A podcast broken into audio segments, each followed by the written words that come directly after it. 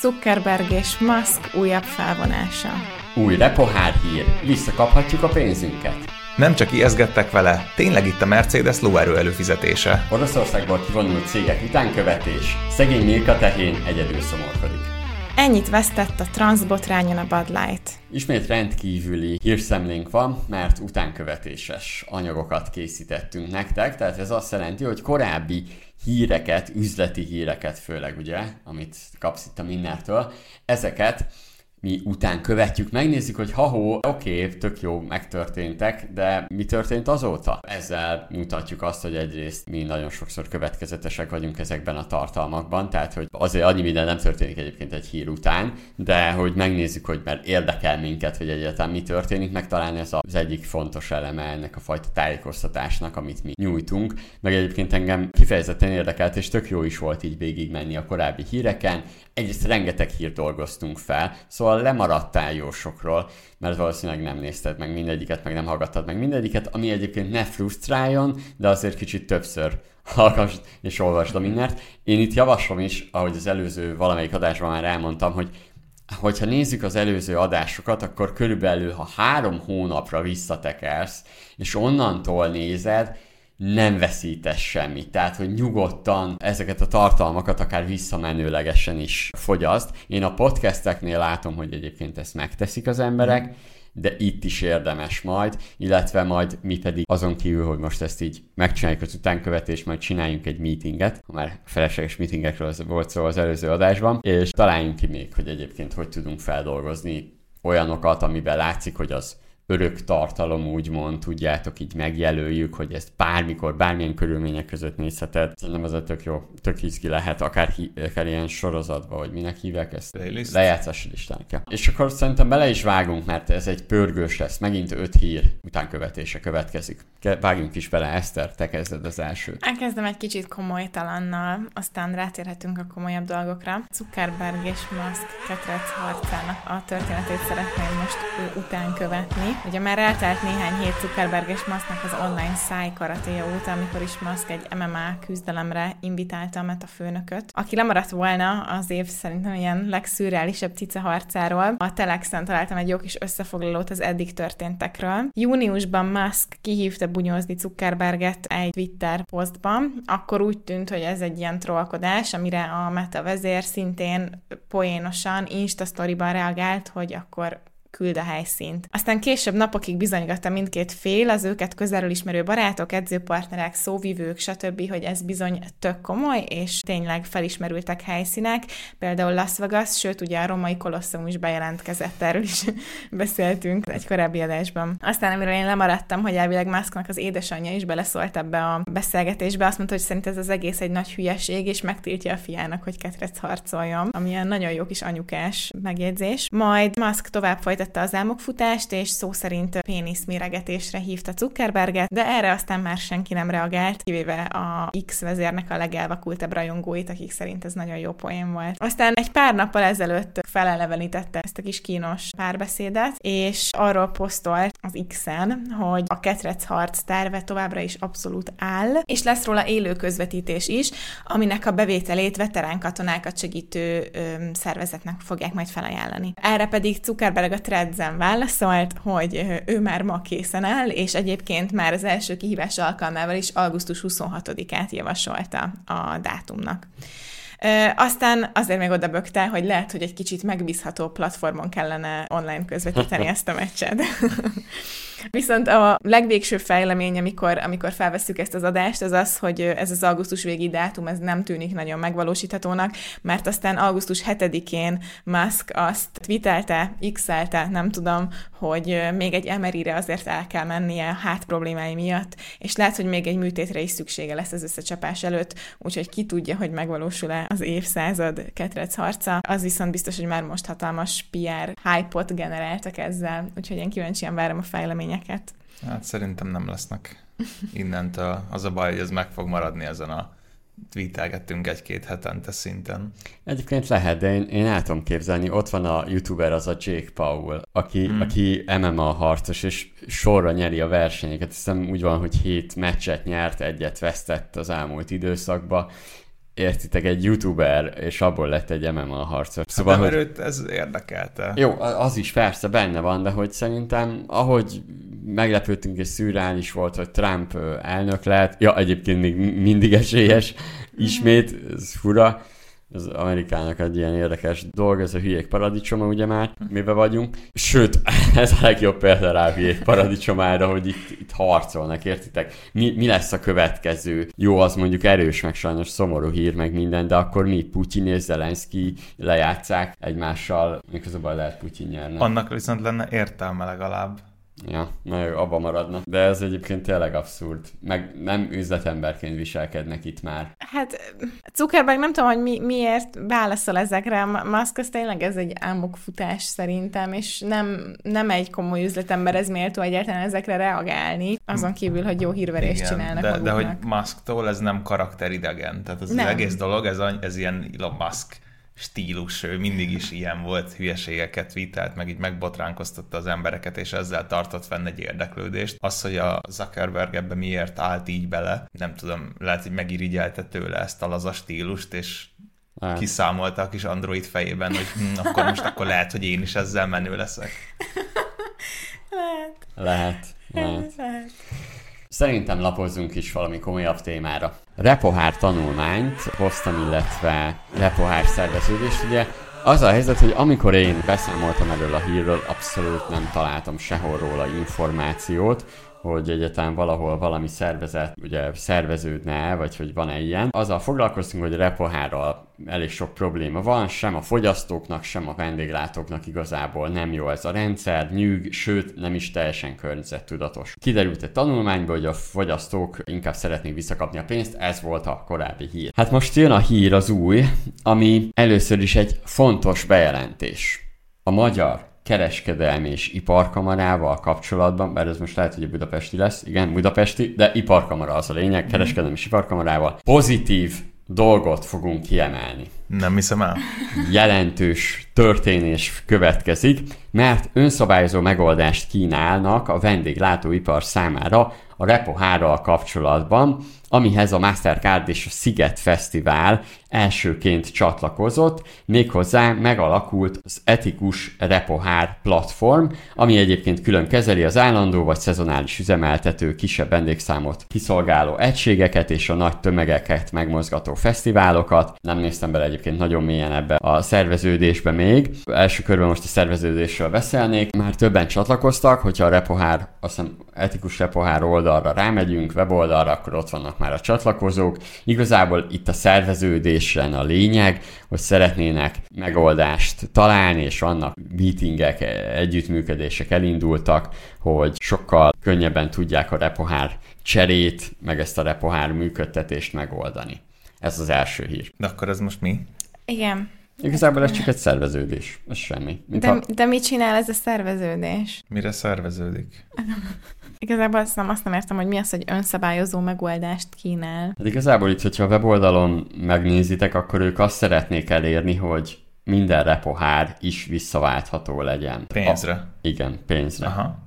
Jó, hát ez jó. Hogy ezen szerveződnek. És itt van az aláírása, a kereskedelmi és iparkamara, uh-huh. Green Cup, Hanplast, itt van Mastercard, egy csomó, uh-huh. Monostor Borház, repohár.hu, Sziget Fesztivál, zöld követet, elég, elég sok. Úgyhogy igazából akkor a szerveződés erre van. Na, de ez egy tök jó, ezt hiányoltuk, nem? Mondtuk, hogy miért nem szerveződnek azok, akik ebben érintettek. Csak szerveződjenek jobban, mint Miskolc Tapolcán. ja, igen, igen, ugye egy korábbi hírünk volt erről, hogy a vállalkozók végül nem csináltak semmit. Inkább hagyták volna meghalni a bizniszüket. Ez volt a hír, de ezt így le is zárhatjuk, reméljük visszaváltható lesz 2024. januártól a repohár. Na és akkor felmerült egy alternatíva. Mm. Mondjuk ez kérdés, hogy miért merül fel, de üvegpohár ötlet jött ebben az egészben. Tehát, hogy ne, ne is műanyag legyen, hanem üvegpohár. Na. De, az, de az már volt. igen. Onnan jöttünk a műanyagra. Igen, igen, igen, igen. Hát nem kell félni attól, hogy most üvegpoharakkal fogunk ott csörömpölni a fesztiválokon. Ötször nagyobb károsanyag kibocsátása van az üvegpoharaknak. A tanulmány megállapítja, hogy már a gyártásnál is nagyobb a környezeti lábnyoma, majd következik a szállítás, és az újrahasznosítás esetén a mosogatás költsége, is rányomja így az egésznek a kiadás oldalát, megnyomja. Igazából ezt a tanulmányt csak azért hoztam, mert azért mondhatjuk azt, hogy keresgélnek azért a cégek. Tehát, hogy amikor a podcastet csináltuk, meg minden, akkor kevés információ volt, aztán kijött ez a tanulmány, utána röviddel próbáltak megoldást találni, de egyébként nem találtak. Nincs erre a fesztiválozós problémára megoldás. Hát nem mm. kéne annyit inni. Persze. A megoldás az a száraz fesztivál. Nem jó. Kell rúgni még otthon. Nem jó, nem jó. Fogyasztói társadalmat élünk, üzletről van szó, fogyasszanak csak érezzék jól magukat. Legyenek bátorak. Igen, legyenek bátorak, szóval szerintem az nem megoldás. Szóval pozitívként hoztam ezt be, mm-hmm. igazából ezek a jó, repohár hát, fejlemények. Amúgy jó, mert tényleg ez a valami történik, nem az van, hogy megállapítottuk, hogy ez rossz, a fogyasztók nem szeretik, a vendéglátósok nem szeretik, és akkor így ül mindenki, hogy hm, oké, okay, what's next? Igen. Hanem akkor valami történik, és ez mindig jó. Szóval itt mondható azt, hogy akkor a repohár pénzre visszaváltható lesz, tök jó. Reméljük. Reméljük. De bármelyik bárhol? Hát valószínűleg akik ezekbe így csatlakoznak. Jó. Hát reméljük, hogy elérnek egy nagyobb tömeget. És akkor a konyhaszekrényemben lévő nyolc darabot visszaviszem. De azt tudjátok, ezt beszéltük is, hogy az a pénz ott az a több, több milliárd forint, az csak lógott a levegőbe, kiszámoltuk. Vagy ja. valami volt a hírben. Több, több milliárd forintról van szó, ami, ami csak úgy most lóg a levegőbe. Na jó, de akkor ezt ki, ki akarja majd visszaadni? Szerintem ez csak az újakra fog vonatkozni. Egyébként elkeserítelek Donát, hogy biztos, oh. meg lesz jelölve, Szomorú. amelyik visszaváltható. Erre egyébként szerintem felhúznak egy közös. Hát ezt az etikus repohár brandet megoldják. Végén a kereskedelmi iparkamarának lesz egy kis kesse. De mert maga, aki a repoharakat csinálja, cég, az benne van ebben? Szerintem Mert az igen. önszerveződőnek az lenne a lényege, hogy őket akkor ebből kihagyták, de végül is ez a Green Cup Kft. ez az, nem? Uh-huh. Akkor a repohár.hu is. A repoharakról menjünk tovább. Környezettudatosságot, meg környezetet, azt sajnos nem oldottuk meg, környezetvédelmet, úgyhogy mondjuk ez a következő hír se fogja megoldani, de autós hír. Azt mondod? Hát ahogy Eszterét nézzük, akkor a hír nem is értjük, biciklivel kéne menni az embereknek, nem? Ne ígyanak és biciklivel menjenek. De most néztem egy videót, képzeljétek el, hogy a, a magyarok 60%-a van elhízva, a japánok 6%-a van csak elhízva. Az milyen komoly. Ott az Szép. étkezésükről volt szó, hogy mit esznek, meg ilyesmi. Úgyhogy mostantól reggel nem eszek annyira durván cukros pékárut. De a társadalom mégis náluk fog előbb összeomlani. De ez egy másik videó témája. Igen. Ez, ez egy készülő tízes ja, mert, videó. Igen, ja, mert hogy kevés uh, gyerek születik, igen. Igen. Akkor a, az elhízás és a gyerekszületés között van kapcsolat? Mi? Szerintem nincs. Ez egy erős következtetés volt. Így születnek a konteók. Indítok egy új csatornát, egy új ismeretterjesztő csatornát. Tudjátok, semmi köze a kettőnek, de, de Ú, van az, van az a weboldal, azt ismeritek, amiben ilyen nagyon random korrelációk vannak. Nem, nem. És akkor nem. arról csinálhatnád a videókat. Nem, de ez nagyon érdekel, amúgy. Hát ezt küld el, mert ezt, ezt meg fogom Ilyenek. Ez jó. Ezek tetszenek. A következő is nagyon jó. Ezt azért jó a hírszemle. Még közben is tudunk Igen. mondani valami jót. Jaj, nagyon jó. Hát ezek nagyon jók. Na, akkor... Amúgy erre tényleg fel lehetne húzni egy blogot. Ez tök jó. Simán. Na de Mercedes. Még 22. december elejé hír volt, hogy a Mercedes tervezi egy ilyen lóerő előfizetésnek a bevezetését, és ezt úgy kellett elképzelni, hogy az EQE e és EQS nyilván elektromos modelleknél 20-24 százalékos teljesítmény növekedés, körülbelül 100 lóerő pluszt lehetett volna majd megvásárolni. Igazából ez megtörtént, ezt ténylegesen megcsinálták, a tervezett ára akkor 100 dollár lett volna ennek havonta, de végül ez úgy nézett ki, hogy az EQE modelleknél most 60 dollár per hó, az erősebb EQS modelleknél 90 dollár per hó. Ha egy évre pedig előfizet valaki, akkor két hónapot megspórol.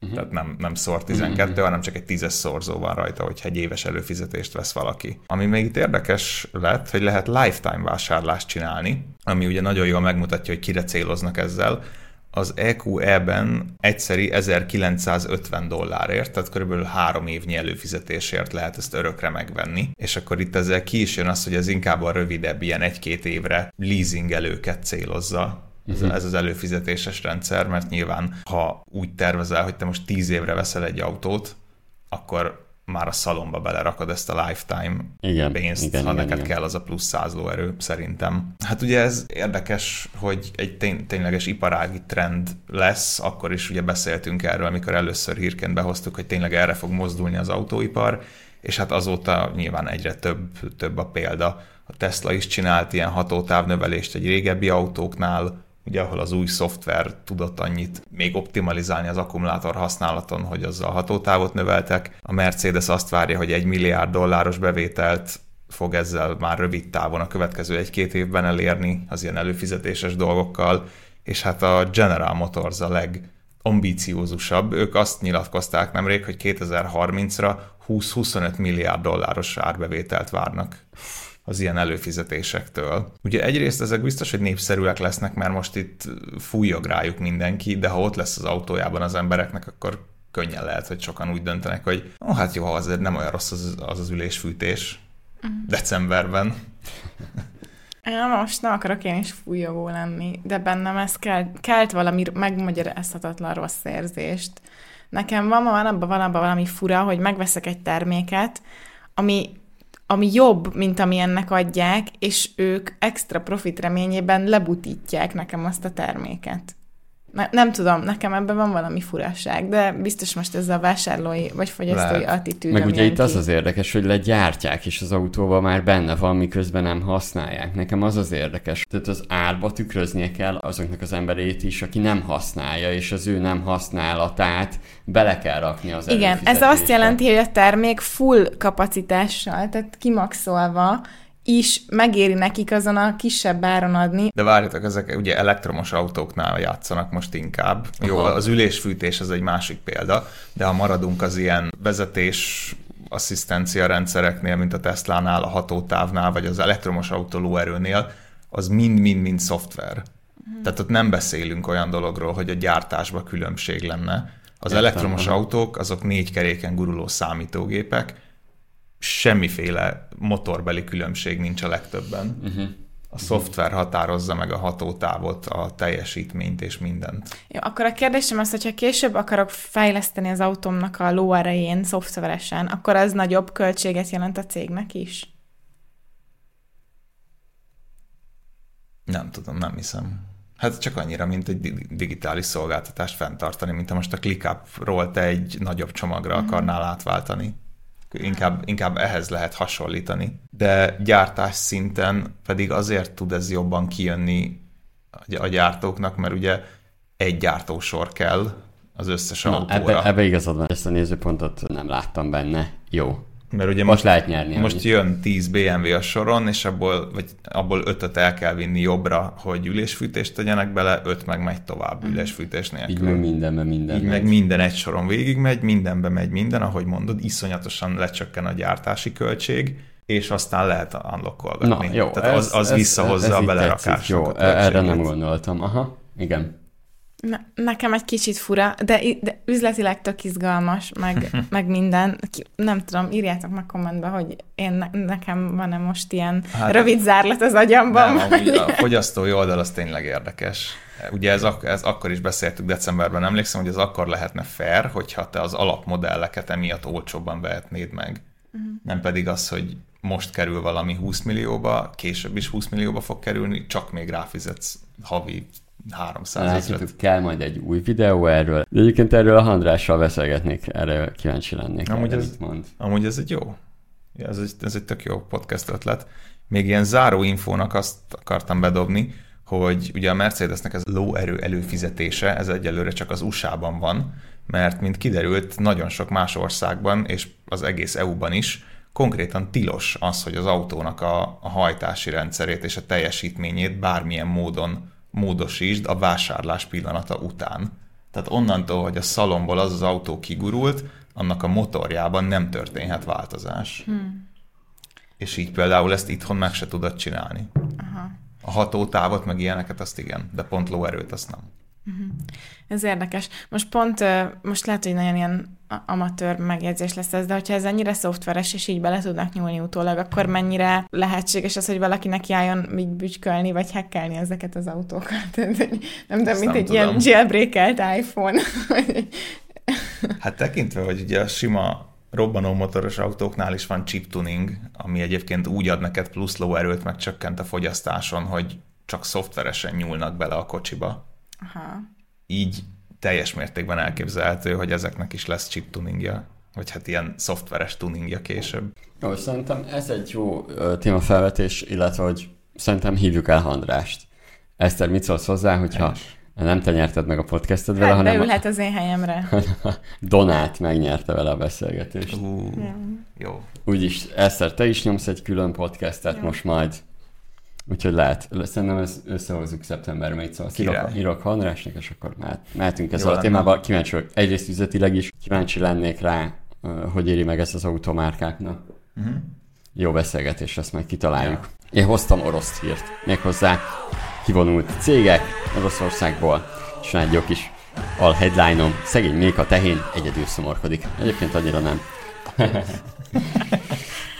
Na, és érdekes több szempontból megközelíthetjük, mert lehet persze fújogni, Oroszország támadott, meg nem tudom mi, ezt most a politikai részét részben zárjuk ki, csak részben lesz még róla szó. Szóval nem változott a helyzet elvileg. Nagy márkák még mindig bolykottálják az orosz piacot. 1100 nagy márka vonult már ki, 1600 nagy márka közül, tehát körülbelül tudjátok, ez a uh-huh. nagyobb, a McDonald's, Coca-Cola, Nike, Apple, Starbucks, meg ruhamárkák, meg ilyesmi. De van több olyan is, aki maradt, például a Mondelez. De mielőtt a, rátérnénk a Mondelezre és a Milkára, mert ugye a Milka csoki az hozzáig tartozik, van egy másik tanulmány, amely szerint 1000, 1600 nagyobb márka közül mindössze csak 9% vonult ki, és így vagy úgy megoldja, hogy bent maradjon. Ezen a piacon, mert egyébként ez fontos. Na nézzük a Mondelezt. Ugye hozzáig tartozik a Milka. Na most a Milka vezetése kiemeli azt a nyomást, amit a kormányuk irántuk is intéznek, illetve a többi más céggel, amelyel szembesült mindenki, miután kiderült, hogy a Milka csak kismértékben csökkenti az orosz piaci tevékenységet, Például a Norvég vasútársaság bolykottálta a Milkát, és magyarázkodni is kellett a cégnek, például azt, hogy azt mondta, hogy szü- jó, de nem vonultunk ki, de szűkített portfólióval vagyunk mm. csak az orosz piacon, illetve Hát ugye nehéz Milkának, mert van több gyára is az országban, például rágógumi vagy kekszgyár, és hogy mekkora piacról is van szó, a Mondelez snack üzletágának a 4%-át adják az oroszok. Oké, okay, lehet azt mondani egyébként, hogy erről lemondhatnak, csak ugye a kérdés az, hogy miért. Itt egyébként támadják a Milkát azzal, meg nem csak a, tehát az ukránok kiadtak egy olyan közleményt azokra a cégekről, akik támogatják az orosz inváziót, mm mondván, akik maradtak Oroszországba márkák. Egyébként rajtuk kívül például az Ocean is maradt, a Pfizer is, de leállította a helyi fejlesztéseket a Pfizer, a Carlsberg már a háború utáni visszatérést készíti elő, tehát hogy kivonult részben, de úgy adják át most egy, egy másik cégnek a működést, hogy van egy opciós visszavásárlási mm-hmm. joguk, a Renault eladási szerződésébe belekerült egy záradék, hogy később visszavásárolhatja az üzemet, meg a teljes infrastruktúrát. Amit szeretnék kiemelni itt, hogy ugye van egyfajta olyan nyomás a cégeken, hogy ezek a nagy márkák előszeretettel trükköznek az adón. Ez több szempontból is, mert már elég nagyok ahhoz, hogy megtehetik, a részvényeseknek szeretnének kedvezni, meg minden egyéb ilyen dolog benne van, és itt olyanokat tudnénk, hogy te cikkeket írnánk róla, egyébként nagy márkák soha életben nem támogatnának minket, mert ilyen, van ilyen Microsoftos adó elkerülés, CD-s, na, de mindegy, tehát ezek a nagy cégek szeretnek adót elkerülni.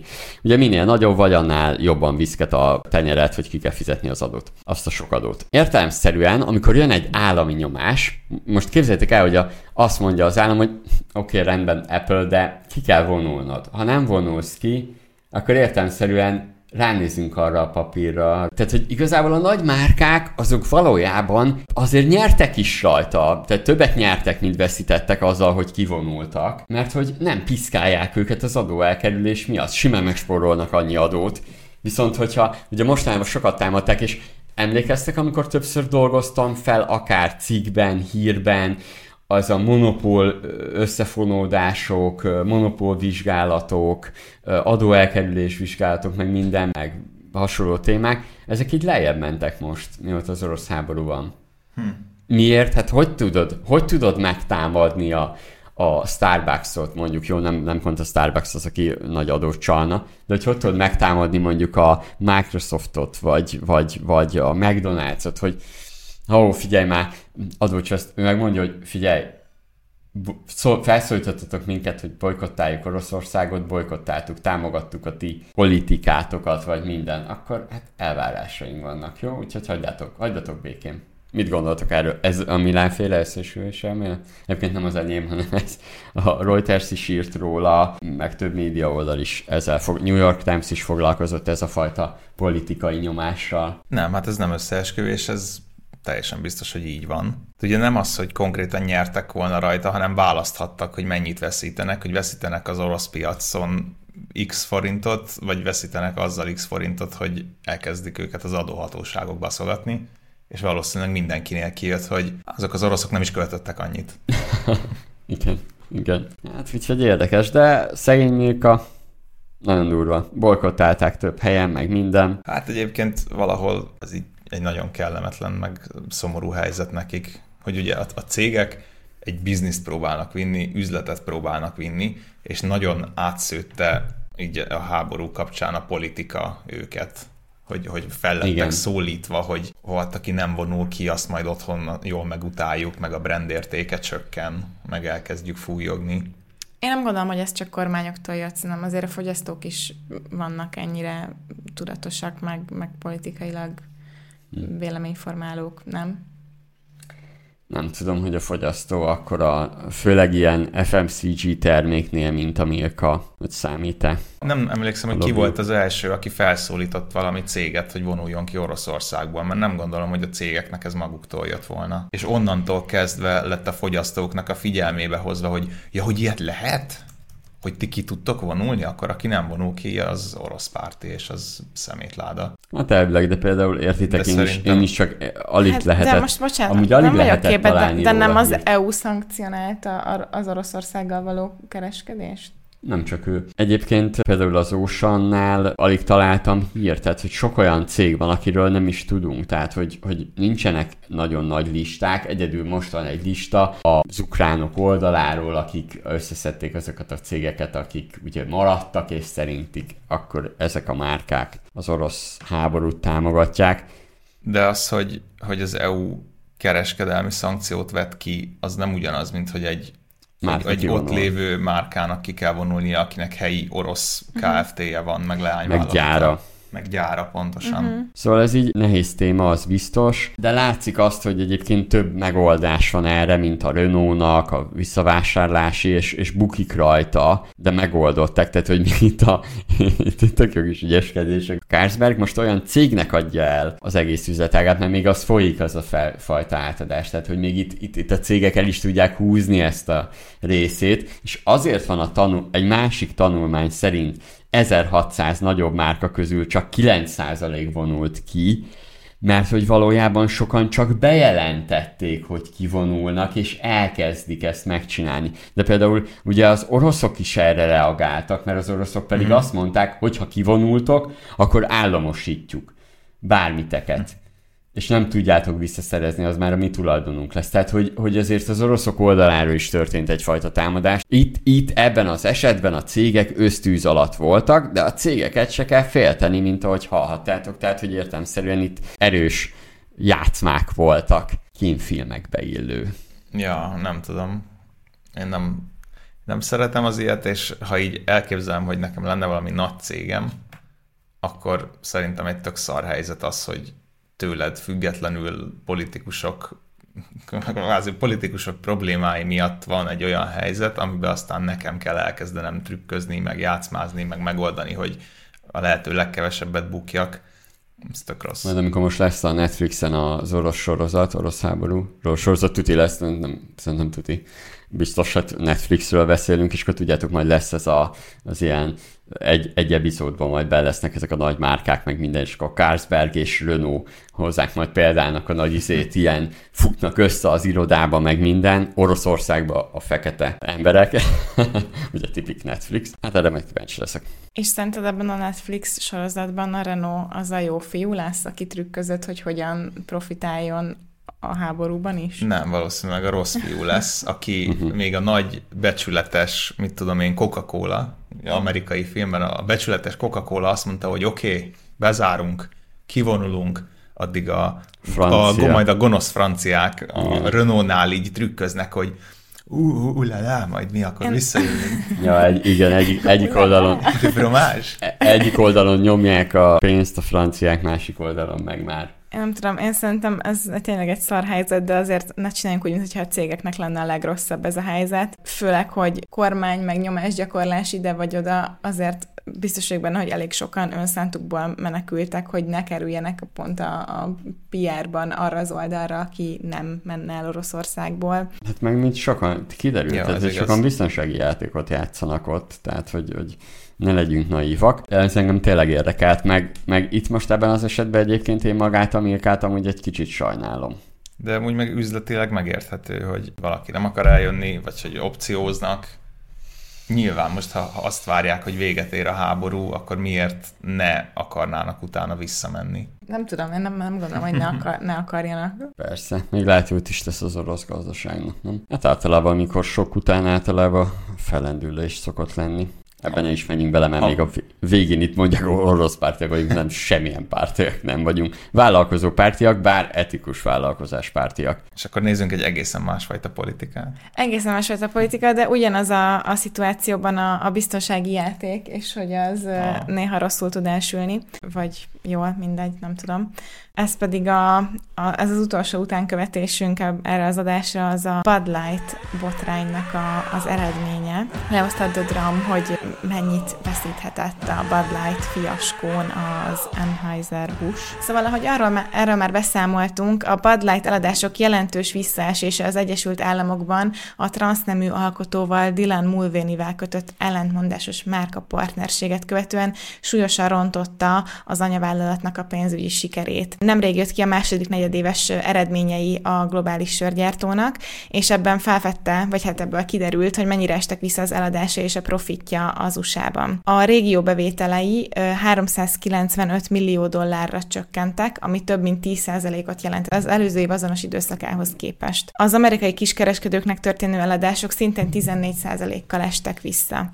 Ekközben az USA-ban a működési eredmény közel 30%-kal csökkent. Úgyhogy azt lehet mondani, hogy ez egy tényleg nagy érvágás volt a Bud Light botrány. Nos, a mindenféle marketinges, meg, meg szakmai elemzők azért azt vitatják, hogy a, a Dylan Mulvaney-vel való együttműködés okozta ezt a nagy problémát, vagy az, hogy utána a kialakult botrányt nagyon rosszul kezelték, hebegtek, habogtak, próbáltak biztonsági játékot játszani, és egyik oldal mellett sem álltak ki, visszakoztak, stb. Ezt nem tudom, hogy el tudjuk-e dönteni pontosan, hogy mi volt a probléma. Viszont lett, ami lett, a számok magukért beszélnek, de mielőtt azt mondanánk, hogy mindjárt csődbe megy az Anheuser-Busch, azért azt érdemes hozzátenni, hogy ezek az Egyesült Államok beli számok, az AB InBev globálisan 7 7,2%-os bevételnövekedést ért el, és a sajtóközleményben vagy a riportban úgy fogalmaznak, hogy a cégnek a folyamatos lendülete, amit részben visszavetett az amerikai teljesítmény, összességében egy magas egyszámjegyű növekedést eredményezett. Hát igen,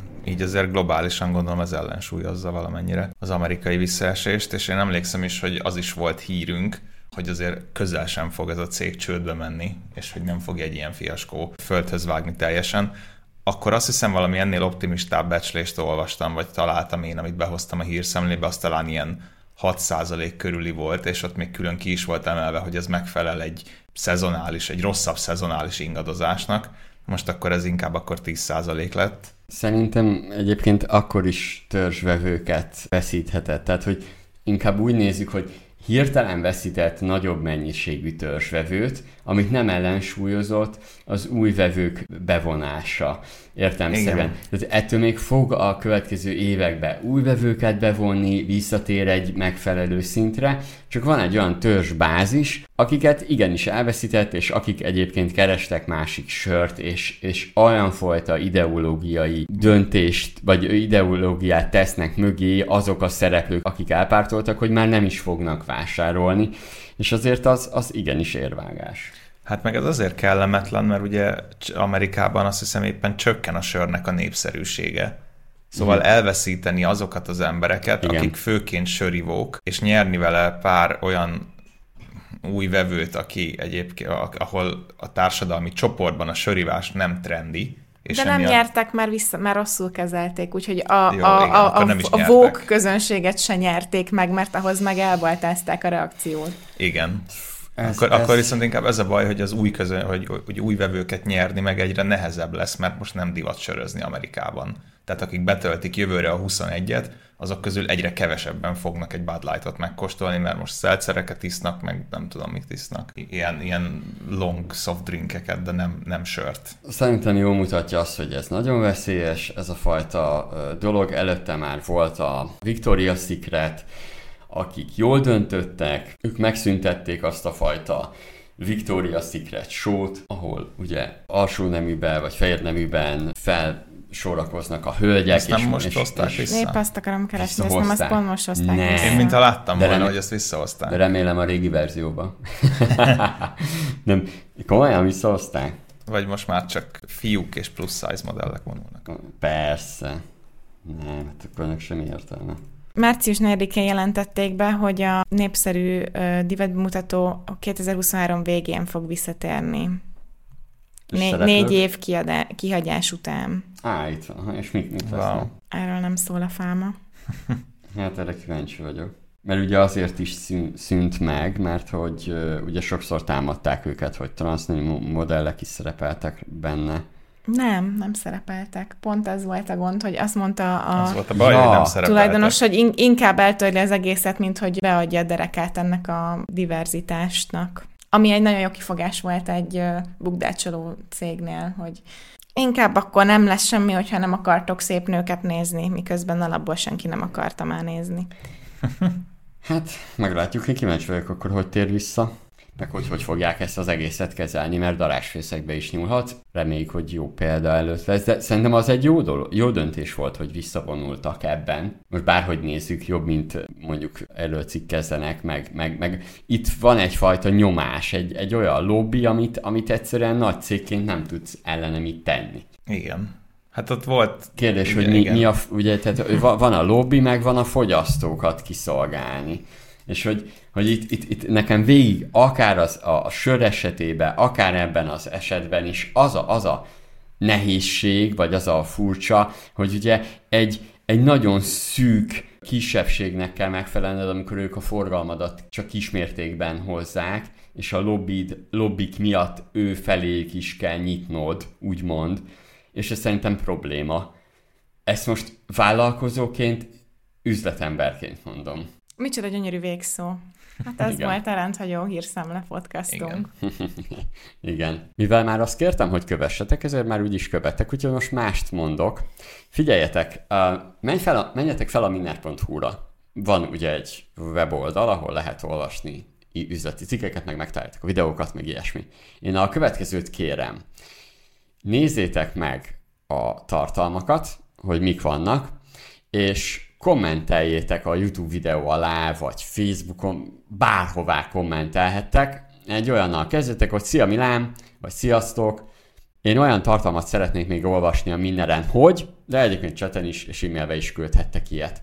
Kíváncsi vagyok, hogy mit, illetve erre mondom itt, hogy az elvetemült ötletem az, hogy ráküldöm a választ, hogy már ez ott van a mindenem. És hogy olvasd el, vagy hogy ezzel kapcsolatban már írtunk erről és arról, lehet, hogy a keresőben nem találod meg rendesen, mert én is néha elveszek a minden keresőjébe is, cikkcímekre sem emlékszek már nagyon. Úgyhogy nyugodtan ezt csináljátok és írjátok be kommentbe. Sziasztok! Sziasztok! Sziasztok.